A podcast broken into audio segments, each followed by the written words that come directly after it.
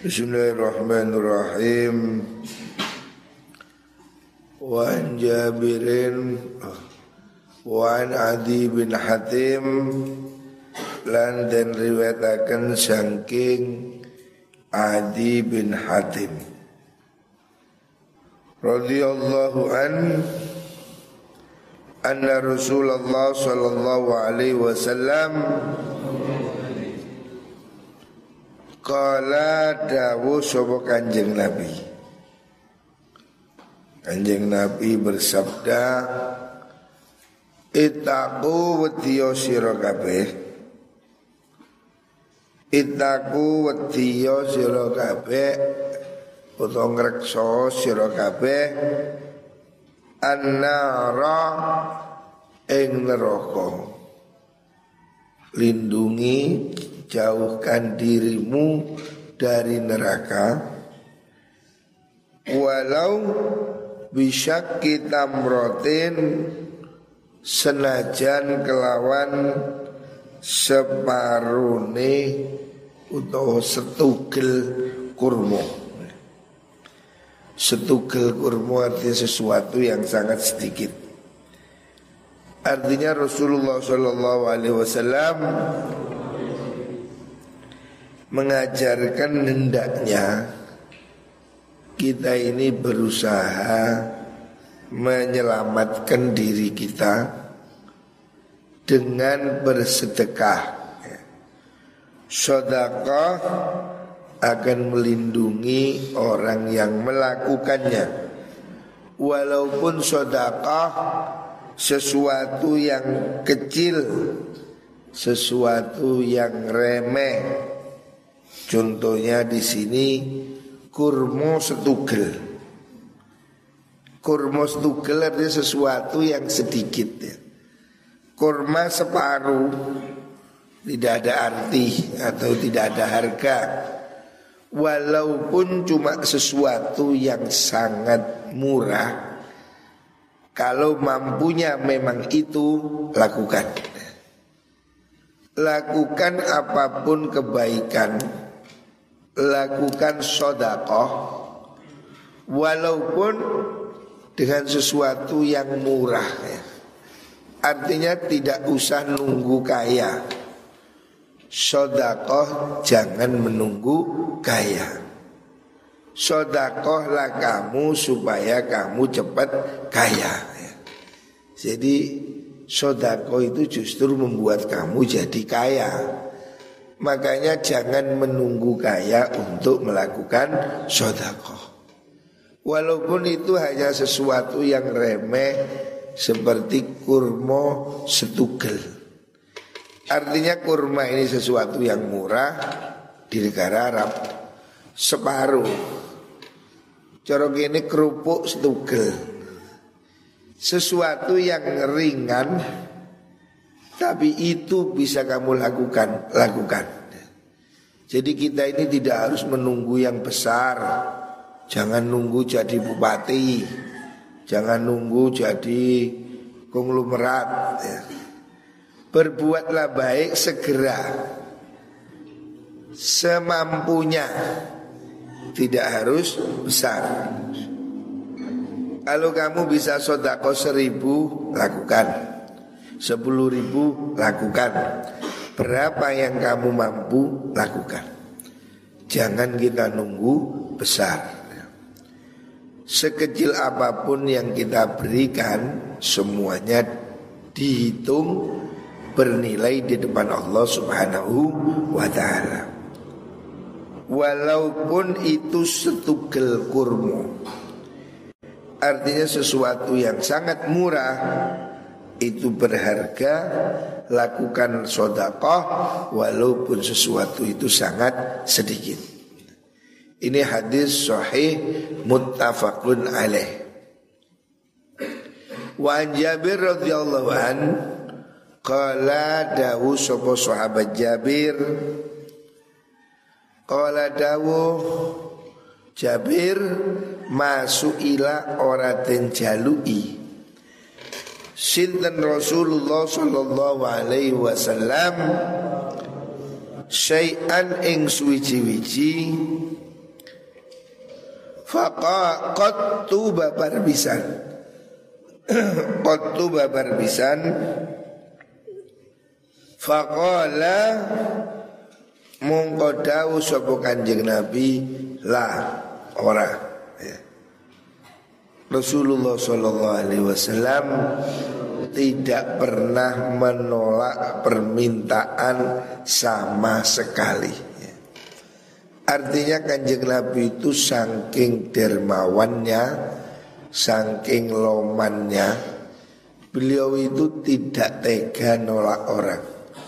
Bahkan kalau Nabi tidak punya Ada orang minta Oleh Nabi suruh nunggu Tunggu sebentar Atau bahkan kadang Oleh Nabi dicarikan Atau dipinjamkan Jadi kanjeng Nabi itu sifatnya itu sangat-sangat loman Sangat dermawan Beliau tidak pernah sama sekali dimintai sesuatu lalu menolak Tidak pernah jadi apa pun yang diminta diberikan. Sahabat tidak pernah ditolak. Bahkan kalau Nabi tidak punya sekalipun, Nabi akan mencarikan. Ini ajaran betapa loman, betapa dermawan Rasulullah Wasallam. Nah kita kita ini ya, leisoyo niru ya. Walaupun tidak 100% Jangan jadi orang pelit Hadis itu sahih muttafaqun alaih. Wa Nabi Hurairah radhiyallahu an Qala dawu sapa Abu Hurairah? Qala dawu sapa Rasulullah sallallahu alaihi wasallam? Ma min yaumin ora ana utawi dino yusbihu kang manjing isu Sopal ibadu biro-biro kaula fihi ing dalam yaum. Illa malakani angin utai malaikat luro Yanzilani temurun sopo karuni malakani. Setiap hari Selalu ada malaikat turun ke bumi siapa pun orang yang ada di muka bumi termasuk kamu semua setiap hari ada dua malaikat yang datang. Kita mungkin tidak rasakan. Tetapi sesungguhnya kita ini setiap hari didampingi malaikat ya. semua setiap hari itu datang dua malaikat Fayaqulu mongko ngucap sopo ahadu masalah suci ni malakani. Ngucapakan Allahumma ati munfiqan khalafa. Allahumma do Allah Ikti mugi paring panjenengan Munfiqan ing wong kang paring nafkah Khalafan ing ganti. Setiap hari ada malaikat berdoa di sebelah kanan kita yang kita tidak tahu tapi itu pasti ada. Rasulullah Shallallahu Alaihi Wasallam menyatakan setiap hari ada dua malaikat yang turun menemui semua manusia dan malaikat itu berdoa. yang satu mengatakan Allahumma ati munfiqan khalafa.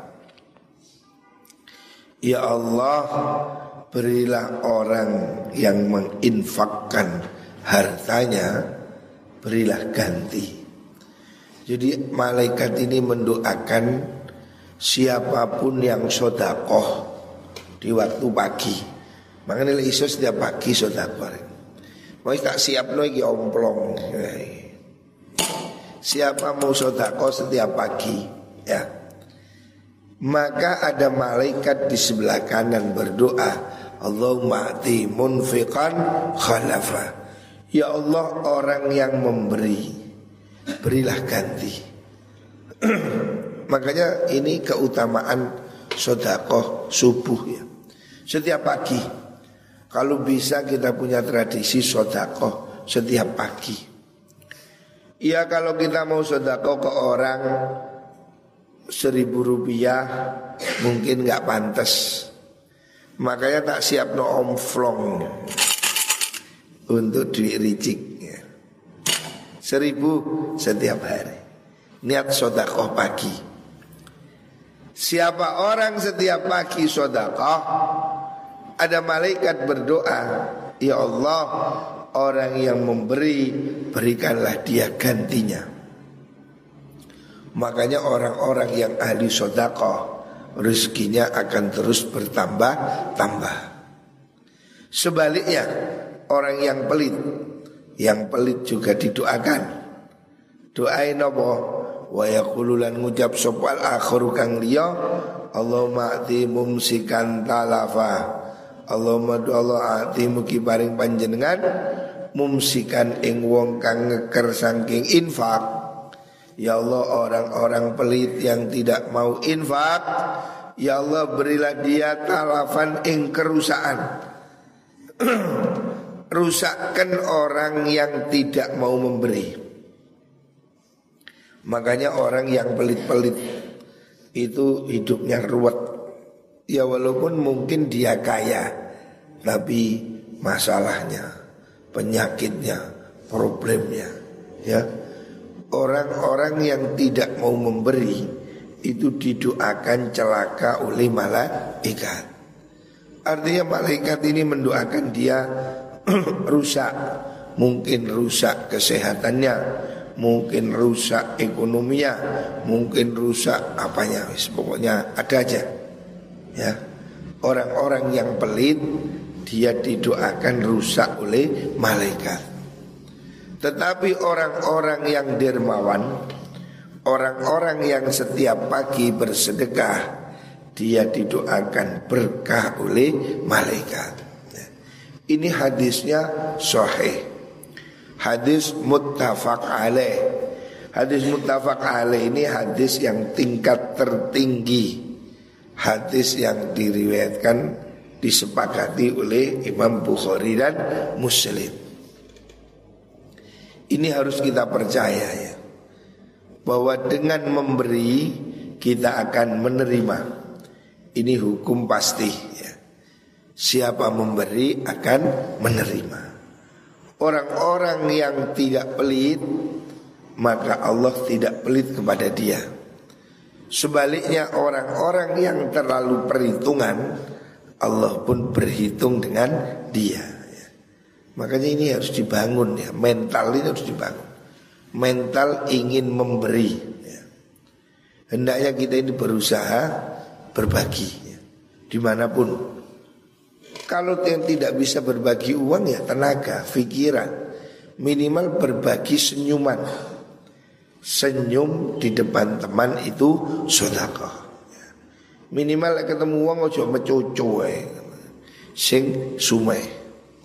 Are ngantuk-ngantuk niku gawe iki opo iki. Sopo iku? Lak are iku kan turu ae. Bagaimana kamu bertemu orang dengan wajah yang berseri-seri Itu bagian dari sodakoh Jadi hidup ini harus berguna Kalaupun tidak bisa memberi uang berilah tenaga, berilah pikiran, berilah senyuman. Ya. Hidup harus berarti bagi orang lain. Ya. Jangan sampai hidup kita adalah beban penderitaan bagi orang lain. Wa anulan saking Abu Hurairah anna Rasulullah sallallahu alaihi wasallam qala dawu sapa Kanjeng Nabi. Iki amar ki ngarep ngantuk bisa nih. Dawu sapa Kanjeng Nabi Kala dawu sapa Allah Ta'ala Anfik yabna Adam Unfik alaik Anfik nafakoh nosiro Berilah Eh manusia Jangan pelit Beri. Anfik aweo siro Yabna Adam Wahai anak Adam Wahai manusia Berilah. Jangan pelit Beri apa yang kamu mampu beri ya. Tidak harus besar. Allah perintahkan wahai manusia berilah nafkah berikanlah pemberian ya. Wahai orang-orang yang punya uang, berikan sebagian hartamu untuk kebaikan. Hartamu tidak habis kamu makan sendiri. Di antara harta kita harus ada untuk fakir miskin, untuk infak-infak ya. Allah perintahkan berikan infakkan wahai manusia. Unfik jawabnya unfik. Mongko paring ingsun. Alaika ing atase siapa yang memberi maka dia akan diberi ada yang redaksinya yunfak nih ada yang unfik, ada yang yunfak. unfik awe ingsun atau yunfak mongko den paringi sopo alika ing atase Jadi inilah matematika rizki. Berilah kamu akan diberi. Allah sudah janji itu. Wahai manusia, berilah saya beri. Kalau kamu memberi, Allah akan memberi. Semakin kamu memberi, Allah semakin memberi. Jangan khawatir. Jangan khawatir. Kalau bahasa ayah saya dulu, kalau kamu memberi tunai, tidak mungkin Tuhan ngeridit. Allah juga akan bayar tunai. Pasti itu, ojo khawatir. Saya sudah mengalami apa yang kita berikan itu secara ajaib kembali kepada kita. Kalau kita beri orang 10 juta, insya Allah akan balik minimal 10 kali lipat sampai 700 kali lipat. Kalau kamu memberi jangan khawatir. Allah pasti memberi. Ini banyak orang yang belum sadar. Pelit, nggak mau berbagi, padahal dia berbagi itu kembali pada dirinya sendiri. Sing loman deh. Lega iso mbek duit minimal mbek tenaga. Ke pondok ini roan bersih-bersih. Berikan tenaga. Ya. kamu harus yakin siapa memberi pasti akan diberi. Ini hukum pasti ini hukum pasti ya. Semua orang akan panen dari apa yang dia tanam kalau dia tidak menanam tentu tidak bisa panen nyolong lah jadi sekecil apa pun yang bisa kamu lakukan, lakukan. Ya. Kalau kamu bisa nulung, tolonglah orang. Ya. Cukup khawatir ya. Saya sudah mengalami dan meyakini ini betul. Ya. Pokoknya setiap saya memberi, saya yakin pasti baliknya. Ya. Tidak ada yang tidak, pasti itu. 10 kali lipat atau 700 kali lipat. Kalau kami memberi 10 juta, Ya mungkin rezekimu 7 miliar 700 juta Cok khawatir Sing enteng.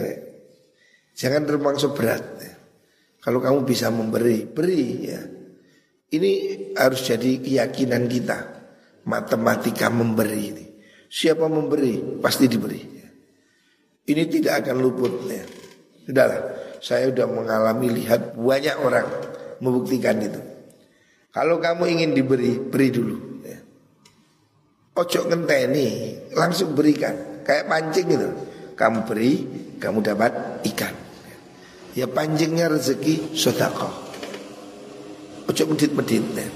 Kalau sodakonya kecil-kecil, taruh sini. Sewu-sewu. Seperti ini contoh. Niat sodako.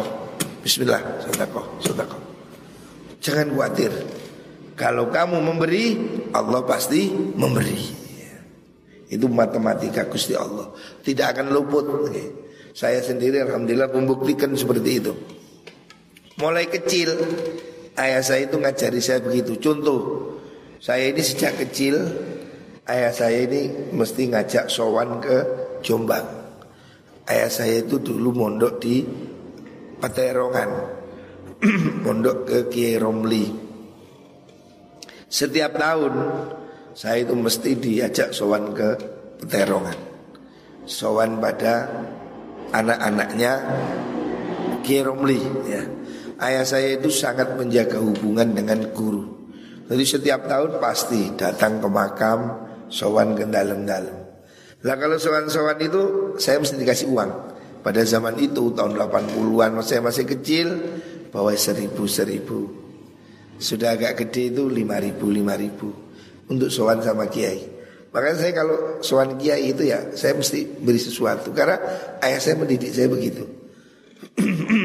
ayah saya mendidik saya dan ayah saya itu sungguh-sungguh Waktu muktamar NU Situbondo tahun 84 Itu ayah saya itu datang ke Sukorejo. Pulang bawa mangga.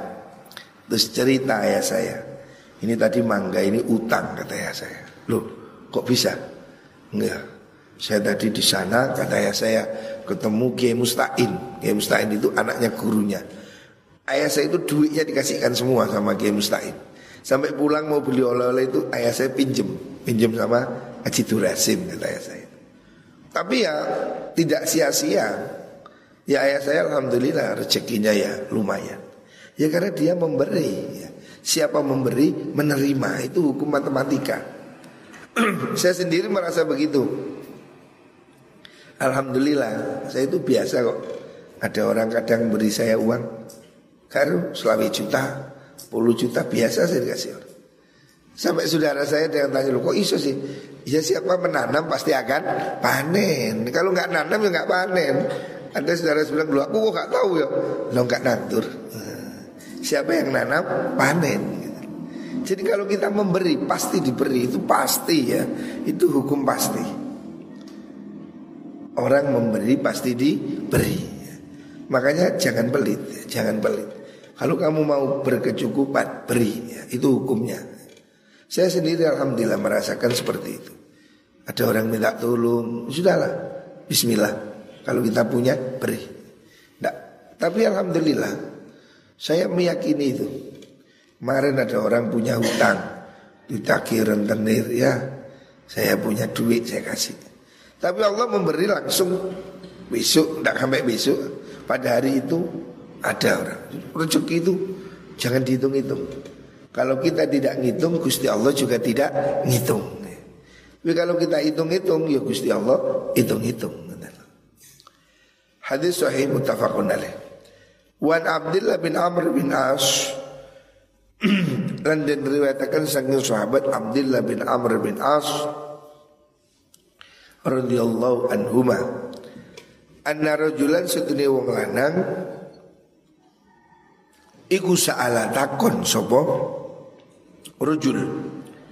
Takon Rasulullah ing Rasulullah sallallahu alaihi wasallam. Ayul islami khairun? Ada orang bertanya pada Nabi Ayul islam utawi endini Islam Iku khairun luwih bagus? Orang bertanya pada Rasulullah sallallahu alaihi wasallam apa amalan yang terbaik ya. Maksudnya dalam Islam ini kan banyak amalan. Amalan-amalan apa yang terbaik ya? Ayul Islam afdol Ajaran Islam ini apa yang paling bagus ya? Maksudnya di antara berbagai macam ragam amalan-amalan bagus ya yang mana yang afdol?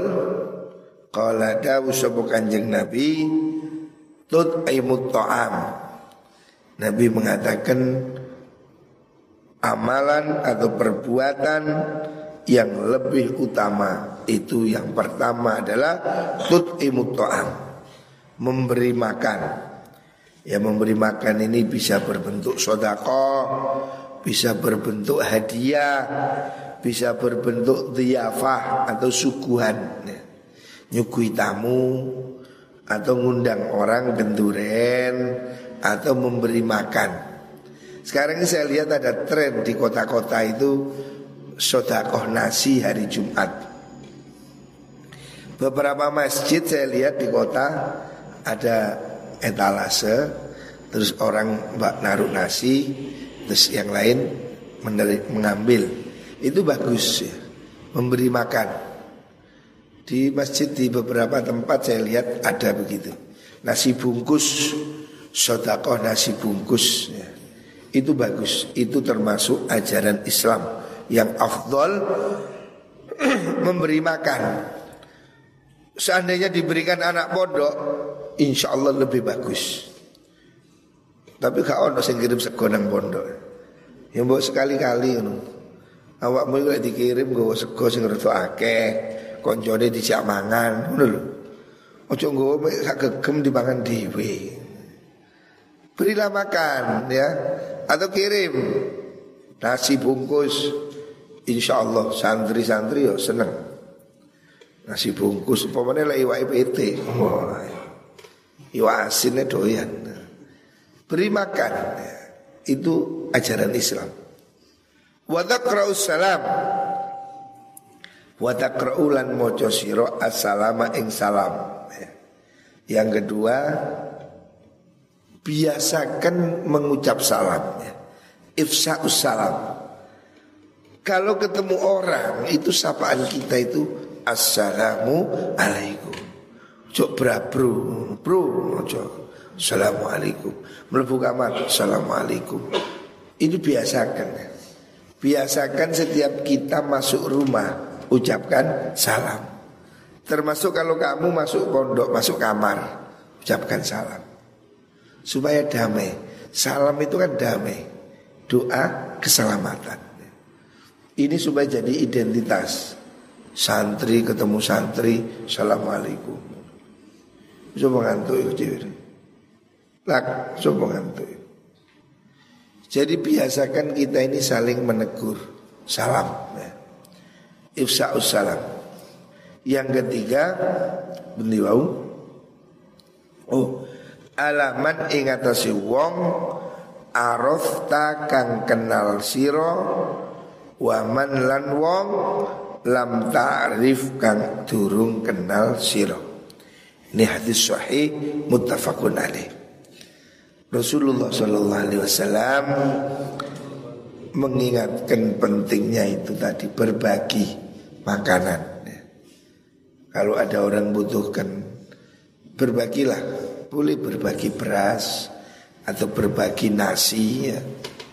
Kita ini ya apalagi kita ada tetangga-tetangga yang kurang mampu kirim beras atau atar-atar makan atau suguhan atau apalah.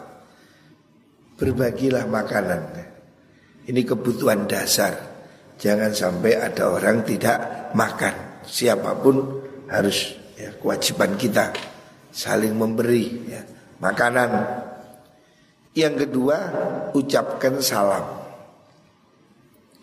Biasakan salam ini menjadi syiar umat Islam umat Islam di mana pun kenal tidak kenal hendaknya dia mengucapkan salam. Simbol persaudaraan. Assalamualaikum artinya semoga kamu selamat. Artinya Islam ini agama damai. Agama yang menginginkan orang lain selamat. Ya. makanya bukan kekerasan agama Islam itu. Banyak orang yang salah mungkin memahami Islam Nanti ini gue pentung. Itu bukan. Islam bukan mentung Islam itu salam ya. Ketemu orang itu dengan salam Bukan dengan wajah merengut Mentung Tidak boleh ya. Kita ini harus menjadi wajah Islam yang ramah. Kita ini harus menjadi contoh. Islam itu bukan galak ya. Islam bukan teror. Islam itu salam Salam artinya damai. Islam itu agama yang damai ya. Ini sekarang kita ini menjadi diisukan atau di dicap teroris apa itu bukan ajaran Islam. Bahkan kemarin ada yang itu nyentil kurang ajar ngomong pesantren itu sumber terorisme. Matamu itu mana ada pesantren ngajar terorisme? Mana? Enggak ada. Terong nih ngono. Di mana ada pesantren ngajar teror? Enggak ada itu sih. Itu fitnah. Yumbu kalau pesantren yang lain ya. Kalau setahu saya pesantren tradisional, pesantren NU, tidak ada ngajar teror, tidak ada. Mana kita pernah ngerusak rusak gereja, ngurus tidak ada. Buktinya itu Candi Borobudur utuh. Siapa yang ngerusak Candi Borobudur? Tidak ada. Islam kita ini Islam toleran. Tuh di sana ada Candi Kidal timur kita itu. Tidak rusak, kupil orang. Kita ini agama yang damai. Kita bisa hidup damai dengan siapa pun. Tuh sebelah itu ada gereja, kita tidak pernah ngusik kok. Enggak. Islam ini damai ya. Ada orang yang menampakkan wajah buruk. Islam menjadi keras, Islam menjadi pentung. Bukan, Islam itu damai. Kita ini harmoni. Sebelah itu sebelah kantor SMK itu non muslim. Apa pernah kita ganggu-ganggu? Enggak. Enggak boleh. Islam tidak mengajarkan kejelekan pada orang lain. Maka Nabi mengatakan takra'us salam ala man arafta wa man lam ta'rif. Ucapkan salam pada orang yang kamu kenal ataupun kamu tidak kenal. Ini dulu Islam. Damai ya. Ini harus ditumbuhkan ya. Islam itu bukan agama teror. Islam tidak mengajarkan kasar. Islam mengajarkan salam. Kita harus menjadi contoh wajah ramah bagi umat Islam. Pada siapa pun, jangan hanya ramah pada orang non Muslim, tapi pada orang Islam galak. Itu salah. Kita ini harus ramah siapa pun pada orang yang kenal ataupun tidak kenal. Wallahu a'lam.